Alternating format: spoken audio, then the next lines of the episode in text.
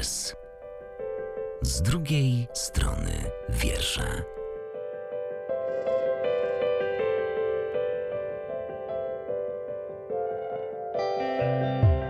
Halo tu Rewers, przed mikrofonem Katarzyna Gałan. I Joanna Jastrzębska. Dzisiaj będziemy rozmawiać o malkontentach i jak zwykle wprowadzamy się do odcinka poprzez wiersz i myślę, że bez dalszych wstępów. Wiersz do dzisiejszego odcinka przeczyta nam dzisiejszy rozmówca Iwan Dawidenko. Piotr Kasperowicz.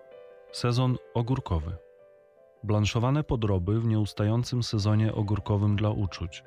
Miłość beznadziejna emulgowana na jakiś czas do nieroznieconych uczuć. Najlepszy jest miotacz płomieni. Powody stanów zapalnych organizmu pokonaj paracetamolem, a jeśli nikt nie wyruszył na ratunek, wykowanie odłóż na przyszły sezon. Zawsze w tym miejscu pojawia się jedno i to samo pytanie. Mm, mianowicie, jak się czujesz po przeczytaniu tego wiersza? No ciężko się czuję, bo w sumie i która to próba, to nie wiem. czwarta, czwarta moja próba przeczytania wiersza.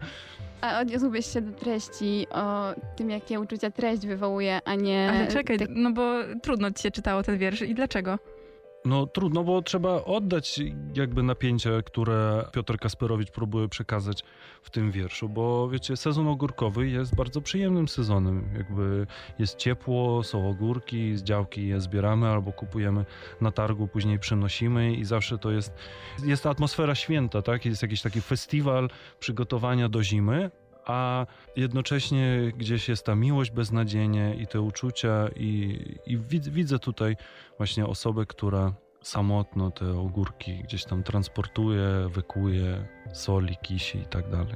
Robienie przetworów jako metafora smutku i złamanego serca i samotności? Mi się wydaje, że połączenie tak, tych dwóch zjawisk wykowania i przygotowania ogórków i miłości, samotności, to, to, i to i tamto jest proces, tak mi się wydaje. Przynajmniej tak się staram też postrzegać rzeczywistość, więc może ciężko też oddzielić jakby moje postrzeżenie od tego, co przekazuje autor, więc to jest totalnie moja interpretacja tego wiersza. Spokojnie, bo teraz rozmawiamy o twojej interpretacji, jakby odcinamy się od tego, co autor miał na myśli.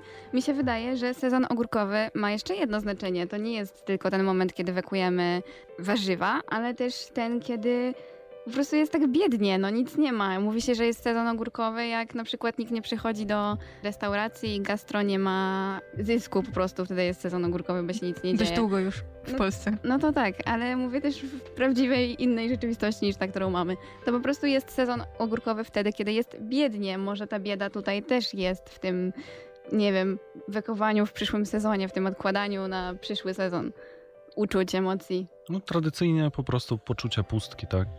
Chociaż może, może, nie wiem, może z tym sezonem ogórkowym to ta pustka jest bardziej w kontekście buddyjskim niż w kontekście takiej pustki, pustkowia. Powiedz coś więcej nam o tej pustce buddyjskiej, którą tutaj byś widział. A, no właśnie, też jakby znowu ciężko oddzielić moją interpretację od, ode mnie, bo od wielu lat y, interesuję się filozofią buddyjską. Konkretnie to jest buddyzm tybetański. Ja myślę, że bardzo dużo też poetów w sumie polskich i nie tylko polskich, tak, in- interesowało się tym tematem. Też kiedyś była taka świetna inicjatywa Poeci dla Tybetu. Nasz Rafał Rutkowski, pozdrawiamy go, uczestniczył w tym. Więc jakby pustka jest w kontekście buddyjskim jest e, taką bardziej metaforą związaną z pojemnością, z zawieraniem czegoś, a nie z niebytem. Tak, bo dla nas, dla ludzi zachodu filozoficznie ten byt i niebyt, e, jakaś taka dychotomia, a dla buddyjskich filozofów bardziej to jest związane z tym, że okej, że czegoś nie ma, ale coś może być na tym miejscu, więc znowu takie odwrócenie kota ogonem, że coś może tu być. Czytamy ten wiersz w kontekście tego, że jest opublikowany w magazynie Malkontenty, a ten akurat numer był poświęcony nobelistom Miłoszowi i Tokarczuk. I tutaj chyba jest jeszcze jakieś takie znaczenie tego ogórka kiszonego. A, no tak, no dlatego, że ja będę to zawsze powtarzał, że Czesław Miłosz był kiszonym ogórkiem. I nie chcę tutaj urazić e, miłośników Czesława Miłosza, a bardziej chciałbym połączyć po prostu fandom, czyli grupę miłośników Czesława Miłosza z grupą miłośników Ricka Sancheza, który też był kiszonym ogórkiem. A Rick Sanchez to, jeżeli wiecie, a jeżeli nie, to warto się dowiedzieć, to jest słynny bohater serialu Ricky Morty. Myślałam, że jeszcze będzie jakaś analogia pomiędzy nimi. Dlaczego Czesław Miłosz był kiszonym ogórkiem? Tak, tak. No po pierwsze, zobaczcie, i Czesław Miłosz i Rick Sanchez są Amerykanami. Polacy często zapominają o tym, że pomimo tego, że Miłosz był Polakiem z Wileńszczyzny, życie kończył jako Amerykanin emerytowany, który przyprowadził się do Krakowa jakby pod koniec życia. Więc to jest pierwsza analogia. Rick Sanchez i Czesław Miłosz są po pierwsze Amerykanami. Po drugie, nawet ta wizualna podobizna między nimi jest taka, że obydwaj mają siwe włosy, już są w podeszłym wieku. Po trzecie, obydwaj też są, mają dość taki zgredny charakter. Jeżeli oglądał ktoś ten serial, to to potwierdzi, a czytając jakby ten cały serial o Miłoszu, te wszystkie notki, wspomnienia, biografie i tak dalej, Czesław Miłosz też jakby nie, miał dość takiego łatwego charakteru w obyciu. No i też jakby Czesław Miłosz i Rick Sanchez to wcale nie brzmi amerykańsko. Oczekiwalibyśmy, nie wiem, Donald Trump albo Joe Biden, e, to brzmi bardziej amerykańsko niż Czesław Miłosz i Rick Sanchez.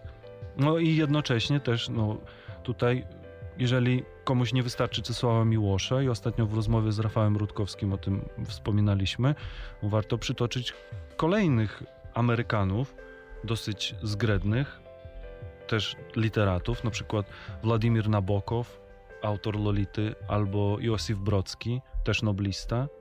To są jakby prominentni ludzie w swoich czasach, a jednocześnie dosyć, dosyć ciężko było z nimi znajdować się obok, przez to, że ich ego było tak wielkie. No z kolei Rick Sanchez, także jeżeli oglądaliście, to Rick Sanchez ma ego wielkości naszej galaktyki, bo według fabuły tego serialu podróżuje z planety na planetę. Nawet z jedną z planet chyba jest w związku partnerskim, z tego co pamiętam. Tak, z racji, że bardzo jesteś bogaty w wiedzę nie tylko o tym, co dzieje się tu i teraz, ale też co działo się dawno temu i tym, co dzieje się w innych wymiarach, to my przez tą twoją wiedzę odpłynęłyśmy od wiersza bezpośrednio, a z racji, że to wejście musi się już zakończyć, to żeby wrócić do tego sezonu ogórkowego, to zakończymy takim ogórkowym, słoikowym pst i wracamy za chwilę.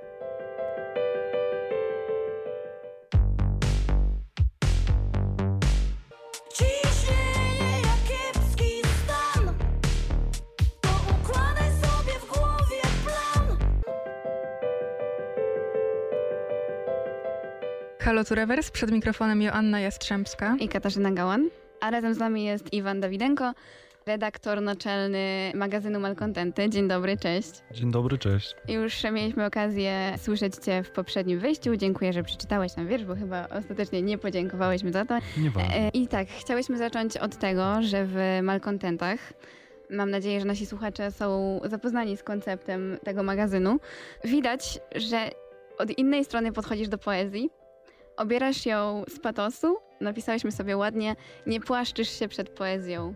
Skąd takie podejście i dlaczego akurat takie? Mm, no po pierwsze, dlaczego miałbym płaszczyć? No bo to jest takie wdrukowane, mam wrażenie, że poezja to nie jest pierwszy wybór jakiegoś tak przeciętnego czytelnika, dlatego że mu się kojarzy z patosem, z Mickiewiczem, ze szkolną ławką, z interpretacją i no, odpowiedzią na to kluczowe pytanie, co autor miał na myśli. A ty mm, bawisz się tą poezją, żartujesz z niej, śmiejesz się. Wiesz, ty jesteś w swojej bańce, w której ludzie w zupełnie inny sposób podchodzą do poezji, tworzą coś z wnętrza siebie, a teraz mówimy też do tych słuchaczy, którzy nie za bardzo ogarniają, że tak można do tej poezji podchodzić. Stąd to, to pytanie o, o ten brak płaszczenia się. Mhm, okej. Nie wiem, po pierwsze, to płaszczenie to, to jest trochę taki, takie słowo kojarzące się z jakimś zgorszeniem, tak? Jakbym miał się czuć mniejszy niż cały dorobek poetycki świata. No tak, to, to, to że ja jestem zdecydowanie mniejszy niż cały dorobek poetycki świata, ale z drugiej strony mm, też jakby poezja nie jest, dobrze powiedziałyście, bardzo mi się to podoba, że poezja nie jest pierwszym wyborem przeciętnego czytelnika i tak samo jakby moja historia z poezją to nie jest pierwszy wybór do robienia w życiu, a z drugiej strony też poezja jest formą klasyczną. I jakby po osiągnięciu pewnego wieku zacząłem zastanawiać się nad tym, skąd bierze się ta potrzeba, wręcz potrzeba w nas do odwołania się do klasycznych form. Skąd na przykład bierze się w ludziach, nie wiem, chęć wieszania obrazów w domu, nawet jakichś replik znanych obrazów, tak? Na przykład z e, Moną Lizą albo z jakimiś kobietami z Rubensa, tak? Odwołanie się do tego kanonu piękna, tak? Skąd to się bierze? No i tak poniekąd się okazało, że robię doktorat z filozofii, a wcześniej nie kończyłem filozofii na... Też filozofia nie była moim pierwszym wyborem na studiach magisterskich i licencjackich, więc zacząłem jakby zwracać się do metafizyki, ontologii, tak, tej filozofii pierwszej, filozofii najbardziej trudnej, takiej, która próbuje dać odpowiedzi na pytania fundamentalne, czym jest nasze życie, czym jest byt i no dobra, nie, nie będę słuchaczy w to wprowadzał. W każdym razie jeden z wybitniejszych filozofów XX wieku, Martin Heidegger, był też miłośnikiem poezji. Był to też tak samo jak Czesław Miłosz i Rick Sanchez i Josif Brocki, był to strasznie zgredny człowiek. Ja myślę, że osoby, które interesują się historią, to wiedzą, ile zła było w tym człowieku, tak? bo to był człowiek związany ze złą, bardzo złą organizacją. Heidegger powiedział, że jakby samo sedno rzeczywistości potrafią zobaczyć e, tylko dwie osoby: filozof i poeta. I tylko, że jakby, żeby zobaczyć rzeczywistość, to trzeba wejść, powiedzmy, na pełną górę i jakby filozof i poeta idą w różnych kierunkach. Więc zupełnie jakby środki wyrazu mm, jednego i drugiego to są jakby zupełnie inne kierunki iścia tam, nie wiem, pod górę, albo z góry, albo bycia na górze, albo bycia przed górą. W każdym razie ta metafora góry i opisu rzeczywistości bardzo do mnie trafiła. No i postanowiłem wrócić do czytania poezji, dlatego że jestem dosyć leniwym czytelnikiem, a w domu miałem bardzo dużo książek od dziecka, bo moi rodzice skończyli filologię rosyjską i bardzo dużo czytałem i w pewnym momencie po prostu jak mi się chciało coś przeczytać, to zawsze ten tomik obok łóżka był bardzo, bardzo świetną alternatywą, bo nie trzeba było ani śledzić jakiejś fabuły. Często utwory poetyckie są znacznie krótsze. Też zawsze jakby wieczór i wiele osób czyta przed snem, więc wieczór jest taką porą refleksji, jak ja ten dzień przeżyłem, więc kiedy otwieram taki na przykład wiersz, przeczytam go i, i na przykład, nie wiem, po odczytaniu na przykład wiersza Piotra Kasperowicza, to mam takie myśli, że rzeczywiście skończyły mi się ogórki w domu, tak? Ale jakoś, jakoś szukam połączenia pomiędzy mną a tym utworem. W wielkim skrócie, tak. No to tutaj tak y, musimy kończyć powoli to wejście, ale to y, tak fajnie nam się wiąże z, ze zdaniem, które napisałeś i o którym zaraz porozmawiamy, czyli prawdziwy talent musi być głodny, ale o tym y, po chwili muzyki.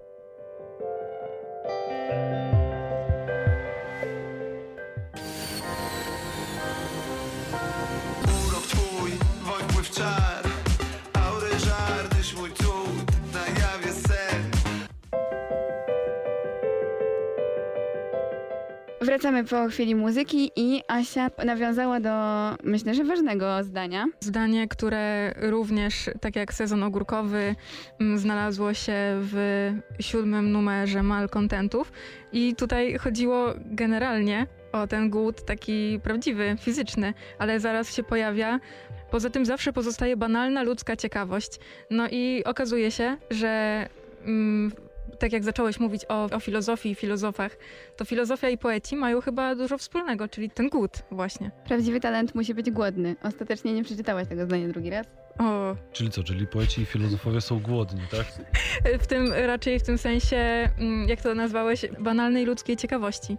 Jakby ja wiem, że to było tutaj o. Tutaj konkretnie odwołanie jest do, w tym tekście do Olgi Tokarczuk, prawda? Oczywiście, tak, że tak. prawica, prawica te, te znaleźli gdzieś zdjęcie, gdzie smaży kiełbaskę w 91 roku i prawicowy Twitter to wszystko tam połknął, nie? I że aha, taka jest weganka. No, sko- no dobra.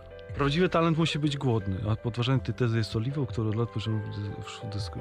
U mnie od razu po, powstało skojarzenie z e, tym wierszem Miłosza Sroczość, gdzie on jakby zastanawia się nad, nad tym, co to jest za kategoria sroczości, tak, że chodzi o srokę, wprowadza tą kategorię sroczości, a wiersz kończy tak, że o, chyba rozstrzygnąłem ten klasyczny spór o uniwersaliach.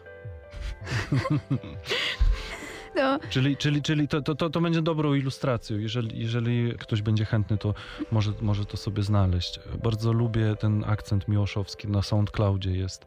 Ja na, na Malcontentach nawet stawiałem chyba, na fanpage'u Malcontentów stawiałem ten wiersz, gdzie on czyta to po angielsku, tłumaczenie tego wiersza. A wraca, wracając do tego, czy prawdziwy talent musi być głodny, to jest jedno z klasycznych pytań ontologii, ale takiej ontologii ludowej. Tak jak w, idąc tropem takiej ontologii ludowej, e, tego co opisuje naszą rzeczywistość tu w Polsce, mm, no to warto zwrócić się ku takiemu jednemu z najbardziej popularnych źródeł tej ontologii ludowej, czyli ku polskiemu rapowi. I na przykład w publikacjach akademickich o polskim rapie są opisane wszystkie najważniejsze bify pierwszej dekady, powiedzmy, polskiego rapu. I jednym z tych najważniejszych bifów jest bif Pei i Tedy. O tym, czy raper musi zarabiać, czy nie musi. No i właśnie Peja jest po stronie tego, że nie musi, że trzeba być stay true i trzeba być prawdziwym artystą i że artysta musi być głodny. A Tedy jakby dyskutuje z nim na swój sposób w tym bifie. I ja myślę, że to jest takie odzwierciedlenie po prostu naszego myślenia o świecie też, tak? Że czy możemy napisać wiersz i później ten wiersz jakby przekonwertować na, pieniądze. na pieniądze, czy, czy nie możemy. I tutaj w sumie w Malcontentach właśnie ten wątek jest poruszony poprzez tą jakby Nagroda Nobla jest takim symbolem, który pośredniczy, tak? To jest jakby przekonwertowanie swojej twórczości po najwyższemu kursie, tak jak w kantorze. W każdym kantorze jest inny kurs, z tego oni rzeczywiście żyją, ze spekulacji tymi kursami. No i, i tutaj Nagroda Nobla jest powiedzmy najbardziej takim złotym kantorem.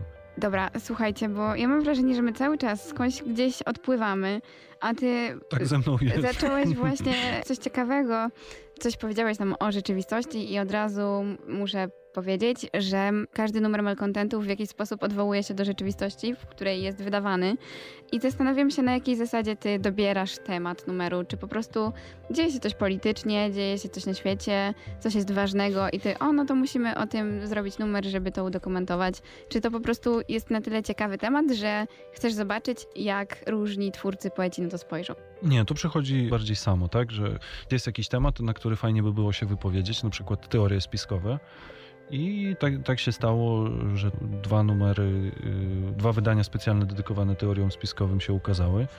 Albo na przykład nobliści. No to tak, to jest rocznica, tylko że też jakby fajnie by tą rocznicę przebrać w ciekawszą okładkę niż tylko rocznicę, bo ja myślę, że takich publikacji z dedykacją dla Czesława Miłosza i dla Olgi Tokarczuk to wyszło sporo, a też jakby temat pozostaje ciekawym, aktualnym, więc tylko, że odpowiedzieć to na swój sposób. A zastanawiam się też, na ile, kiedy już ludzie nadsyłają do ciebie teksty, to na ile takie wybierasz, żeby one rzeczywiście pasowały do tematu numeru? Czy jeśli dostaniesz jakąś perełkę, to ona też do tego numeru trafi? To w ogóle jest osobna kwestia, tak jak e, wybierane są teksty do numeru. To, to, to by mi chyba bardzo dużo czasu zajęło tłu- tłumaczyć, jakimi zasadami logicznymi się kieruję przy tym wyborze, ale z drugiej strony warto pamiętać o tym, że to jest magazyn dedykowany debiutantom. I ten debiutant jest mm, jakby najważniejszą, największą wartością w tym magazynie, a z drugiej strony osoby, które gdzieś już tam się przywinęły w pismach albo wydały tomiki, są ciekawostką dla czytelnika, dlatego że są po prostu rozpoznawalne, trochę podbijają tą czytelność, więc myślę, że Czyli jednak marketing. no, no można powiedzieć, że wszystko jest marketingiem, tak? Też można jakby wszy- wszystko sprowadzić do marketingu w pewnym sensie, ale z drugiej strony ja jestem jakby zwolennikiem, jeżeli chodzi o sztukę, jestem zwolennikiem e, sztuki egalitarnej, tak? Sztuki równościowej. Bardzo na przykład lubię takie odłamy sztuki jak Art Brut, ale na przykład w Malcontentach w trzecim numerze przywinął się Stanisław Turina.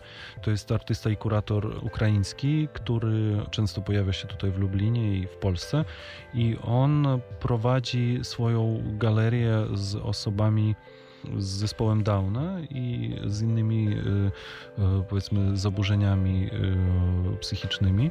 Nie wiem, czy wy też tak macie, jak oglądacie bardzo mądre seriale albo seriale tworzone na faktach, że oglądacie serial, ale macie włączoną zakładkę, cały czas jakąś nową w Google, otwieracie nowe zakładki, żeby dowiadywać się faktów z tego serialu. Ja tak miałam oglądając The Crown i myślę, że ludzie słuchając tego odcinka będą tak mieli, że słuchają nas i w wyszukiwarce w Google wpisują wszystkie nazwiska, o których mówisz i będą jeszcze więcej wiedzieć i stworzy się wielka encyklopedia z tego odcinka. No właśnie, no Nie, no ty pochlebiasz mi bardzo mocno. możesz to odbierać jak To marketing. To, To marketing. to marketing. Nie.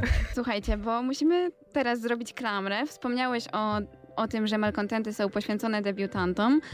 Więc ja bym się tym debiutantom chętnie przyjrzała, ale dopiero za tydzień w następnym odcinku. Za dziś bardzo dziękujemy i Do usłyszenia. Do usłyszenia, cześć.